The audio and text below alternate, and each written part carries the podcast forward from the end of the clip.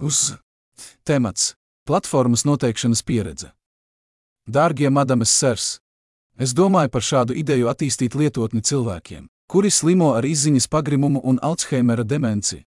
Kā zināms, pacienti ar slimībām, kuru galvenā iezīme ir izziņas samazināšanās, Alzheimera slimība vai citas slimības, kurās pastāv demence, pakāpeniski zaudē daudzas iespējas, piemēram, īstermiņa atmiņu vai ikdienas darbību.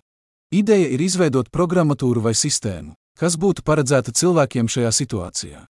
Izaicinājums ir koncentrēties uz šādu sistēmu visu programmatūru vai sistēmām, kuras cilvēks izmanto, un ar mākslīgā intelekta sistēmas palīdzību darbības mehānisms kļūs vienkāršāks un vienkāršāks kā slimība progresē.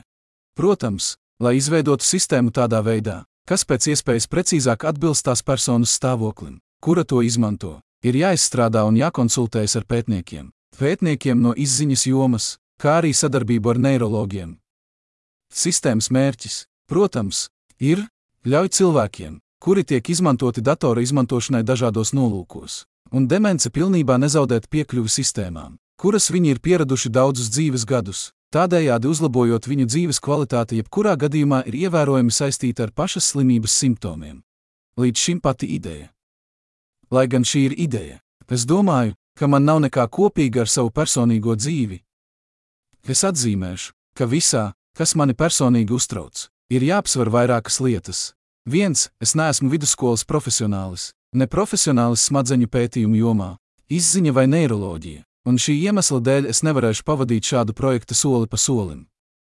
Šī ir ideja, kuru es domāju, ka es sniedzu sākotnējo ideju, ka es nevarēšu palīdzēt nevienā citā projekta posmā.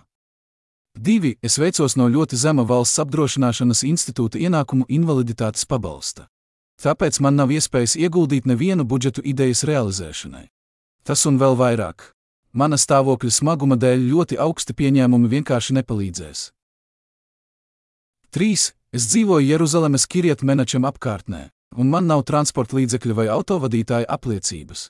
Manas veselības un finansiālā stāvokļa dēļ arī es nākotnē nevaru izdarīt autovadītāja apliecību vai iegādāties transporta līdzekli.